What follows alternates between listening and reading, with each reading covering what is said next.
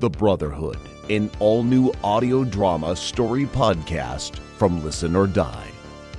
A man gets his peaceful life ripped apart when his wife is kidnapped for unknown reasons. I don't know anything. I have no idea why they would target us. I'm not exactly a poor man, but I'm not extremely wealthy man either.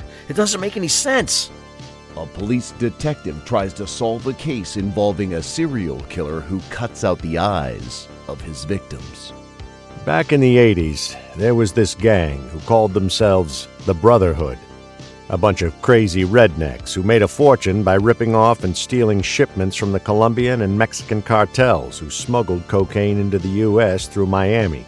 They used to cut out the eyes of every person they killed as a sign.